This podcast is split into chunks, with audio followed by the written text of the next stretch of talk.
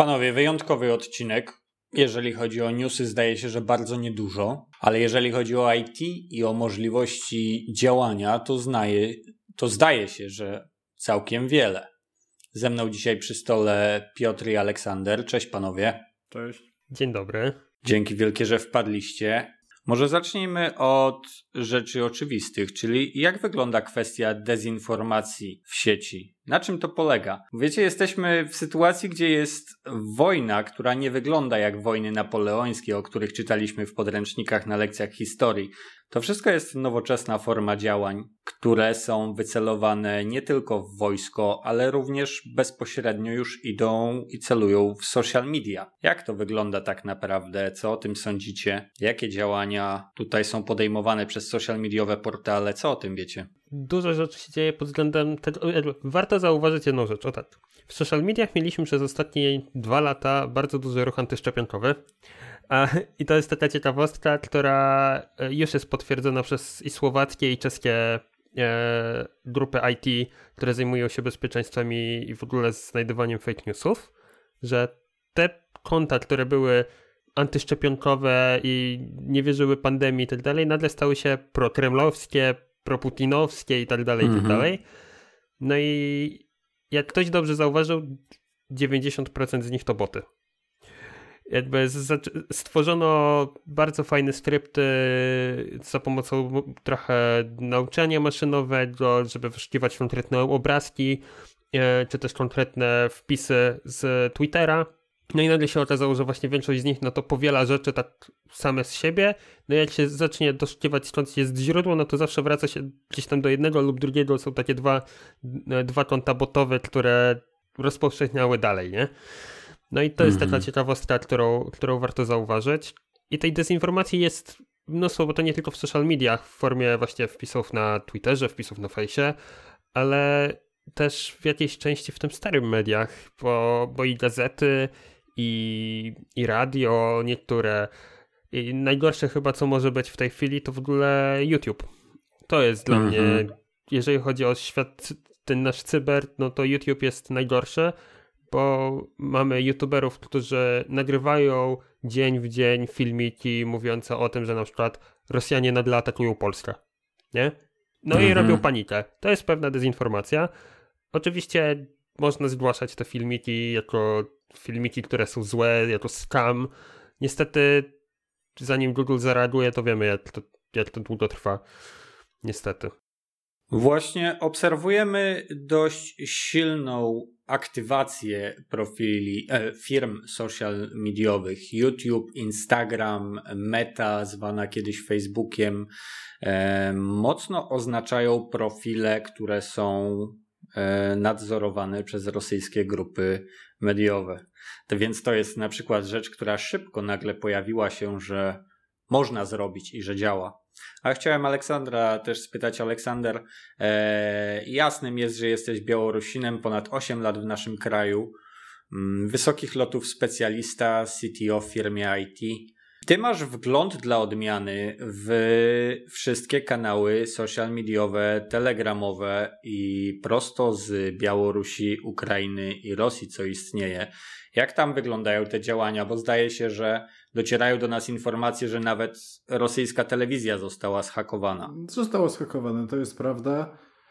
Dokładnie tak samo. Jedyne co tak naprawdę w Polsce, z tego co obserwuję, dochodzi około 60-70% e, tak naprawdę newsów. Tak naprawdę sytuacja wygląda absolutnie tak samo. Tylko, że newsów, tych newsów jest dużo więcej.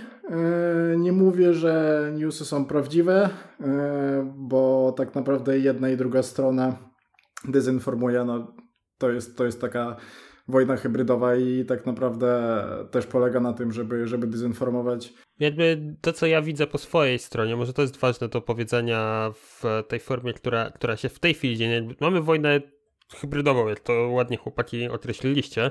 Mm, I głównie w naszej cyberprzestrzeni dużo jest tych ruchów takich można by powiedzieć aktywistycznych, tak? Czyli mamy grupę Anonymous, która jest tam wszystkim dobrze znana e, i to oni w teorii, przynajmniej tak, tak ludzie twierdzą, to oni schatowali rosyjską telewizję.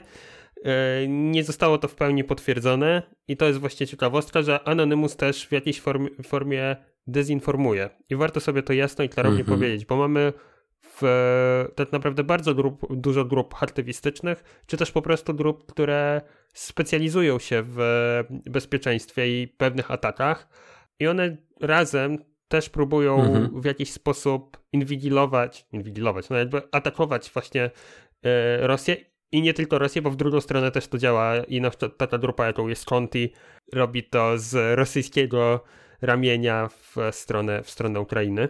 To, co chciałbym tylko dodać, to to, żebyśmy zawsze pamiętali, że żadne grupy aktywistyczne właściwie nie posiadają oficjalnych kont komunikacji. Anonymous na ten przykład ma niezliczoną ilość kont i czy to naprawdę jest Anonymous, czy nie jest, trochę ciężko się domyślić, bo ich nazwa wskazuje na to, że są Anonymous. Więc warto o tym pamiętać, kiedy śledzimy te informacje, dostajemy na Twitterze albo na screenach, albo na innych, na innych social mediach, że tak naprawdę nie wiadomo kto, skąd, kiedy, ani czy to jest prawdziwe, czy nie.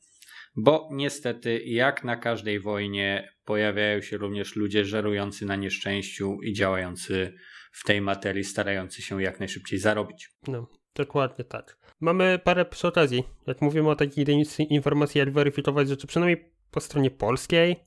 Mamy na Twitterze znam dwa fajne konta, a właściwie trzy, bo jednym to jest konto przeciw wojnie i ten jest prowadzony przez Brand24 i oni weryfikują, czy news jest prawdziwy, czy nie a drugi to jest oficjalny pro, profil weryfikacja NASK, czyli zarządzany przez NASK, nasz polski yy, urząd i też całkiem nieźle sobie radzą. Dalej mam, są tak naprawdę profile, które zajmują się stricte bezpieczeństwem i jest to na przykład Kuba Mrudalski z Niebezpiecznika, czy Piotrek Konieczny mm -hmm. z Niebezpiecznika, czy też Mateusz Chrobot, który też ostatnimi czasy dużo o, o, o bezpieczeństwie mówi. Oni tam też pokazują, co jest rzeczywiście prawdziwą info, a co jest fake newsem, jeżeli coś się pojawia gdzieś tam fake newsowego. I co ciekawe, im też zdarza się pomylić i sami jasno to, y, to mówią, że zdarza się i, i po prostu wtedy przepraszają. Nie? I jeszcze jedno konto, które bym dodał, to jest Demaskujemy Dezinformację. To konto tak, również tak, tak. działa celem e, wskazywania troli i botów za wszelką cenę.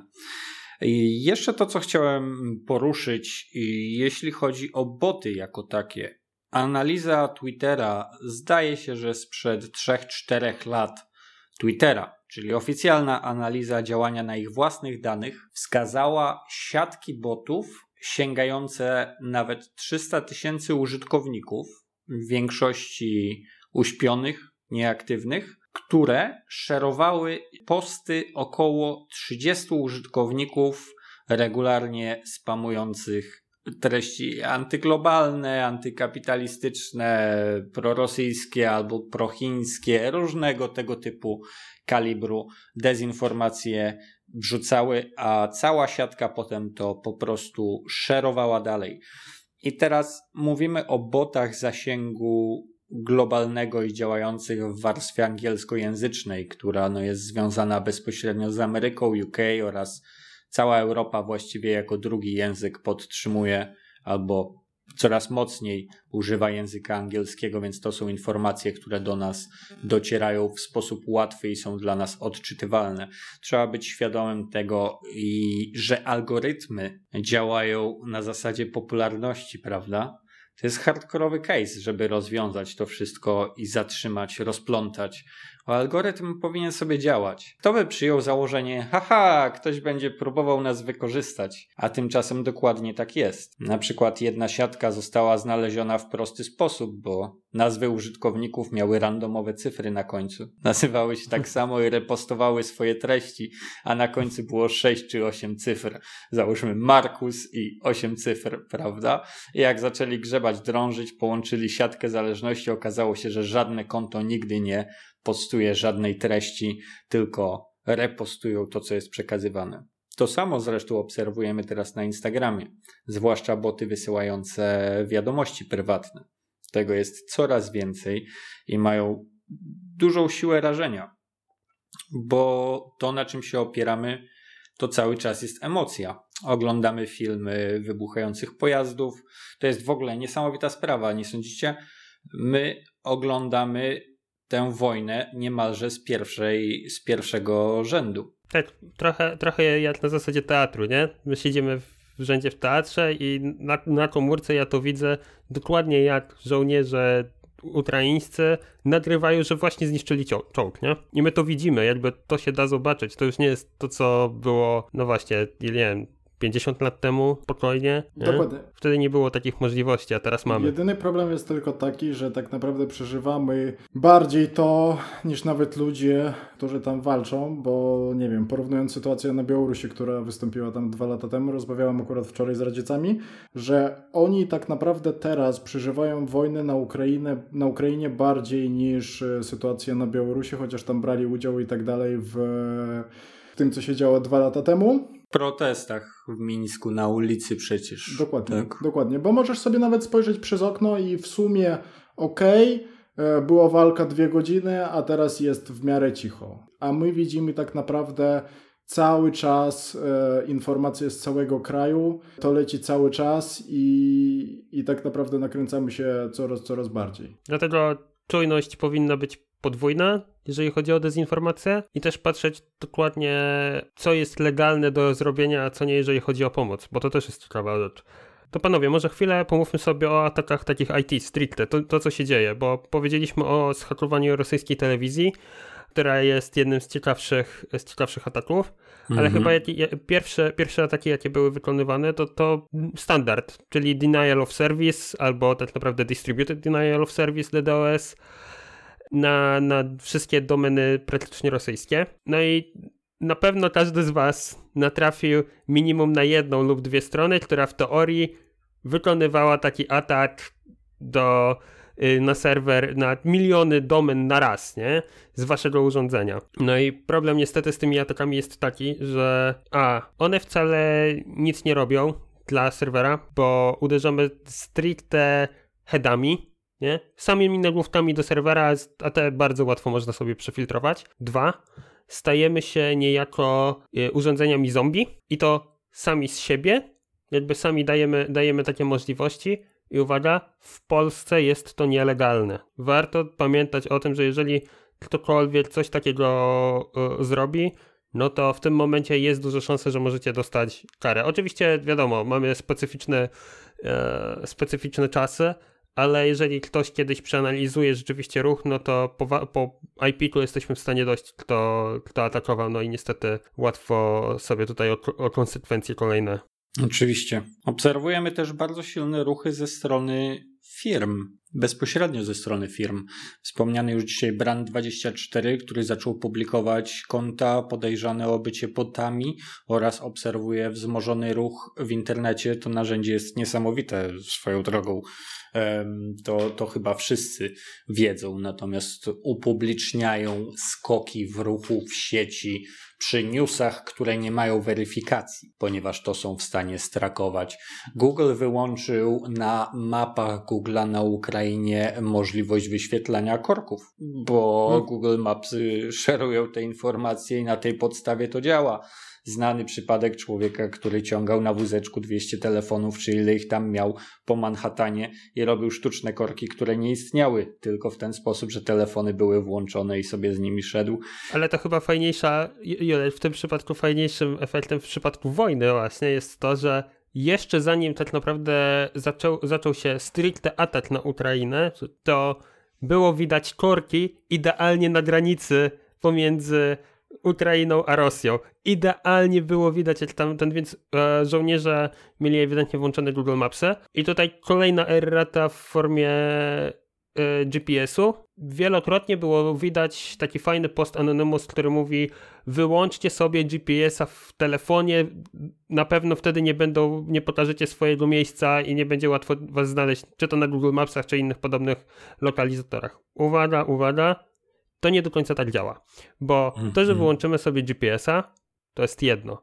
Ale w momencie, jeżeli jesteśmy podłączeni pod, przez sieć komór komórkową, no to mamy AGPS-a, czyli bardzo łatwo nas striangulować i znaleźć za pomocą nadajników GSM, gdzie jesteśmy.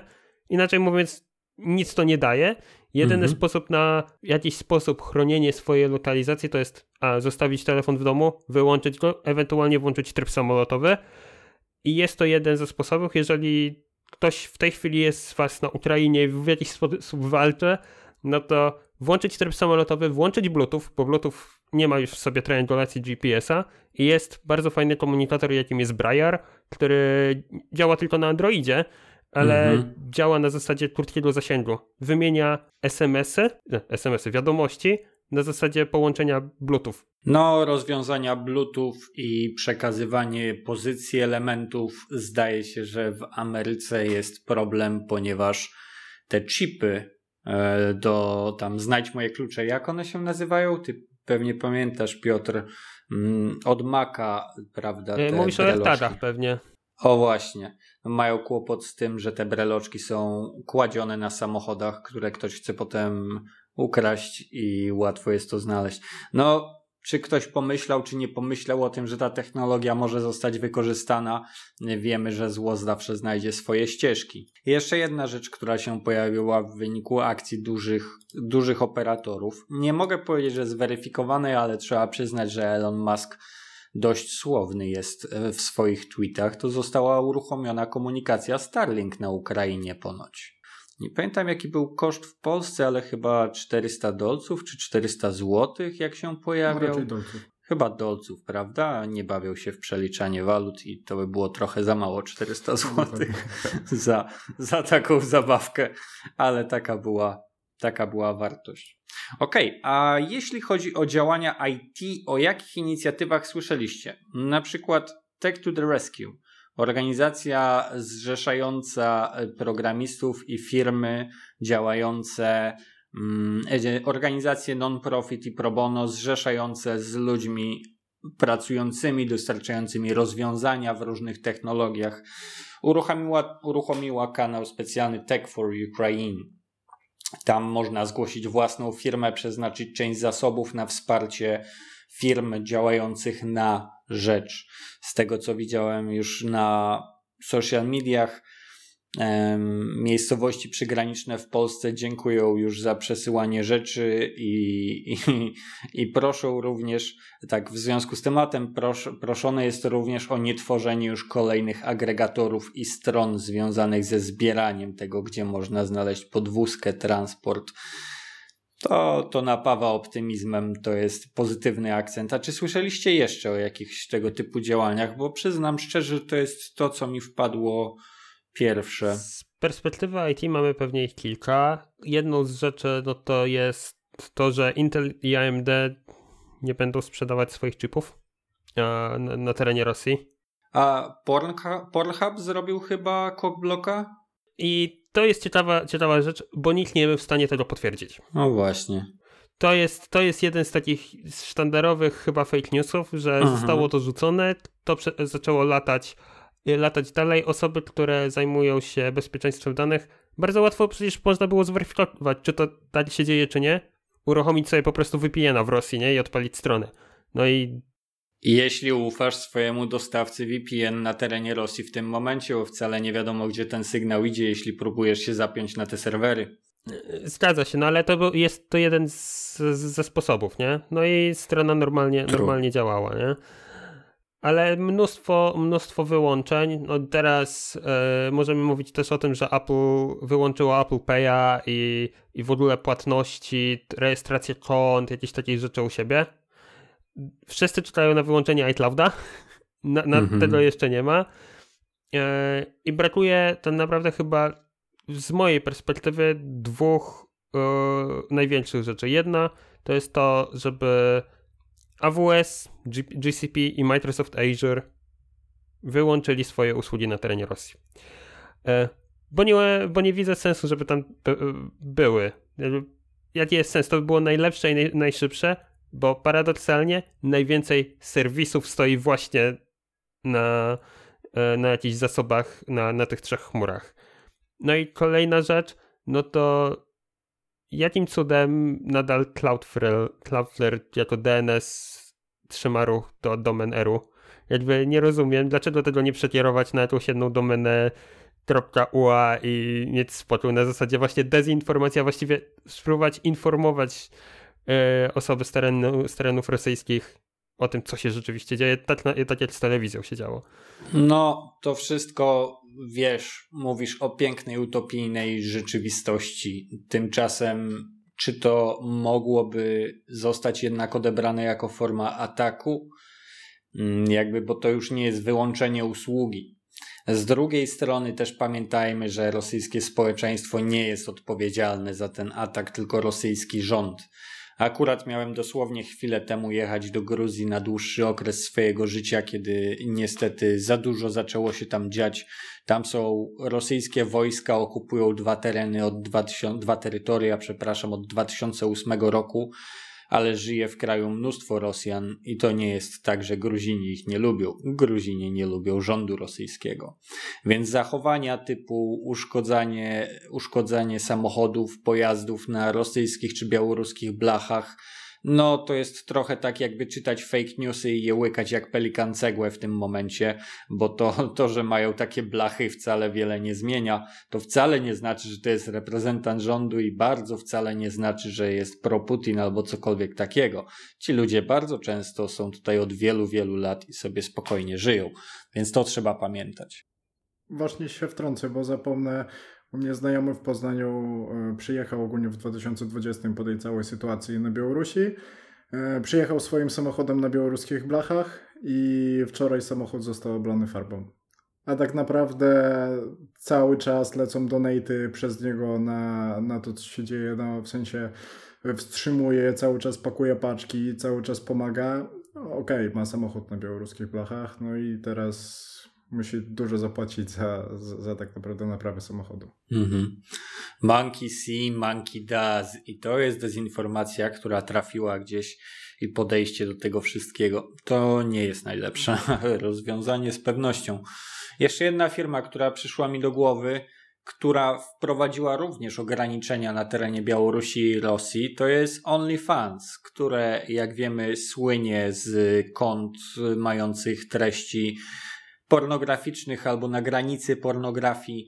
Mm, z pewnością jest to firma, która ma bardzo dużo kontentu z półnagimi kobietami i pozwala im monetyzować swój kontent w internecie, czyli realnie pozwala im zarabiać na tym, że robią to, co w bardzo wielu państwach jest realne. Zresztą przez internet i w tej formie nie byłoby OnlyFans w danych krajach, gdyby nie mogło legalnie działać z tym, co dostarcza. No i podniosły się głosy, że w ten sposób tak naprawdę ograniczamy również zarobek bezpośrednio, e, bezpośrednio ludności niezaangażowanej w spór. Z jednej strony rozumiem, z drugiej strony mm, nie najlepiej, z trzeciej strony. Czy to tak naprawdę nie tamci ludzie powinni obalić swoje rządy? Wiem, że są w hardkorowej sytuacji. Kto na Białorusi by nie chciał, prawda? Kto na Rosji by nie chciał? Za to są konsekwencje na całe życie albo nawet życie. Natomiast kto by nie chciał? Ale w tym momencie to jest wojna stricte ekonomiczna, bardzo intensywna, przy pomocy wykorzystania narzędziami, jakimi można się posłużyć, jak na przykład próba wyautowania Rosjan z systemu płatności międzynarodowych SWIFT co de facto nie ma za bardzo alternatywy do Swiftu i będzie ich kosztować bardzo, bardzo dużo pieniędzy, nieważne gdzie i jak. Więc te sankcje z jednej strony idą politycznie, z drugiej strony idą na ludzi, ale niestety wszystkie zmierzają do tego samego, żeby odciąć środki dla rządów. E, z ciekawostek, bo nagrywamy to 28 lutego, czyli już chwilę, tak, cztery dni dokładnie trwa, trwa cała walka na Ukrainie e, i wojna tak naprawdę. I ciekawostka z dzisiaj e, to jest to, że nie wiem, czy wiecie, Putin ma swój taki fajny okręt, taki wielki jacht, który e, był naprawiany, co ciekawe, na terenie niemie niemieckim. Mhm. Został on w, e, dokładnie w tym roku, tuż przed samymi walkami, przeniesiony do Sankt Petersburga ale uwaga, mm, y, Anonymous e, to co zrobiło, to z, zrobiło tak zwany spoofing. I to spoofing systemu, który służy do namierzania łodzi. I co zrobiło?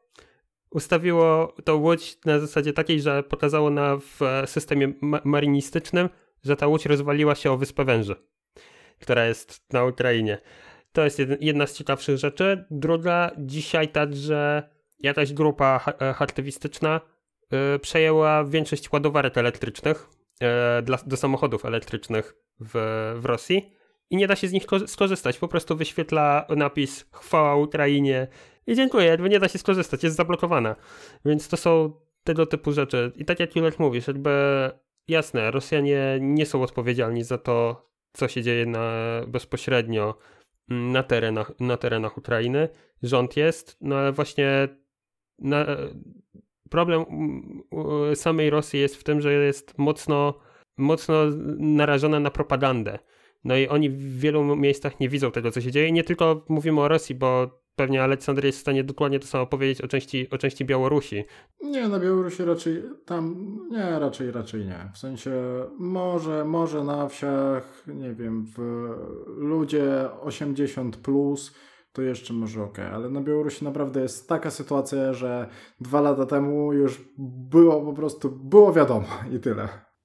No to na, na terenach Rosji niestety tak nie jest. Na terenach Rosji i to głównie nie mówię o Moskwie i Sankt Petersburgu właśnie, e, czyli tych naprawdę ogromnych aglomeracjach, gdzie wszyscy korzystają z TikToka, Facebooka, Instagrama i tak dalej, tylko o miejscowościach mniejszych. Tam niestety ludzie nie mają świadomości. Na najważniejsze no, z perspektywy IT no, to są te wszystkie ataki, które się dzieją, przejęcia urządzeń. W teorii gdzieś słyszałem, nie, też nie, nie, nie, nie byłem w stanie tego potwierdzić, że operatorzy e, GSM, ci, ci zachodni, wyłączyli w ogóle obsługę e, w Rosji. Inaczej mówiąc, no, nie ma mhm. T-Mobile'a czy tam Orange czy innych podobnych, ale pewnie mają własnych operatorów, więc no. No to z drugiej strony barykady jest w tym momencie Netflix, który ma kłopot. Niespecjalnie jest w stanie ani chęć wyłączyć się przy swojej bazie około miliona użytkowników w Rosji a tam jest związany umową w ten sposób, że jest również broadcasterem 20 stacji należących do Federacji Rosyjskiej. Niestety, no dużo się dzieje. E, cyberprzestrzeń jest pełna, czy to dezinformacji, czy ataków. Jeżeli chcecie w jakikolwiek sposób pomóc, to najle najlepsza pomoc będzie taka, jeżeli będziecie weryfikować to, co przekazujecie dalej. Właśnie to chciałem powiedzieć. Edukujcie. Myślę, że to jest dobra rada dla wszystkich związanych z IT. Edukujcie i prostujcie informacje, które są przekazywane i mówione właśnie jako pewnik, prawda? Bo w ten sposób to jest mówione. I oczywiście ten przykład ze starszym pokoleniem to może nad wyraz z pokoleniem naszym to również jest istotne. Jesteśmy specjalistami IT. Nasza wiedza w tej materii wykracza daleko poza to, co wie przeciętny zjadacz kodu. No i my jesteśmy tego świadomi, że w domu zajmujemy się naprawianiem drukarek i usuwaniem wirusów albo głupich nakładek na przeglądarki, ale tak naprawdę wiemy dużo więcej, więc może niech ta wiedza w końcu się przyda w kręgach naszych najbliższych. Wydaje mi się, że to jest wszystko w tym tygodniu, panowie. Trzymamy kciuki. Dokładnie tak. Liczymy na poprawę, życzymy powodzenia. Jak wspomnieliśmy, jeżeli macie możliwość się zaangażować, albo wasza firma miałaby możliwość się zaangażować, to zgłaszamy się na Tech for Ukraine, Tech to the Rescue. To jest dobrze działający projekt, znany skądinąd. Jeżeli znajdziecie inne tego typu, dajcie nam znak. Również o nich wspomnimy w sieci przez nasze social media. Jeżeli nie możecie, nie macie czasu, edukujcie, edukujcie. Dezinformacja jest gigantyczna. To, co Aleksander powiedział, przeżywamy tą wojnę tak, jak i jego rodzice, mocniej niż to, co się działo bezpośrednio w miejscach, e, w miejscach konfliktów, tylko dlatego, że mamy dostęp do informacji, a te informacje wcale nie muszą być prawdziwe i o tym trzeba pamiętać. Dziękuję Wam bardzo, że w tym tygodniu znaleźliście czas, by wpaść do mnie na nagrywkę, panowie. I co? Żeby jutro świeciło słońce i było spokojniej.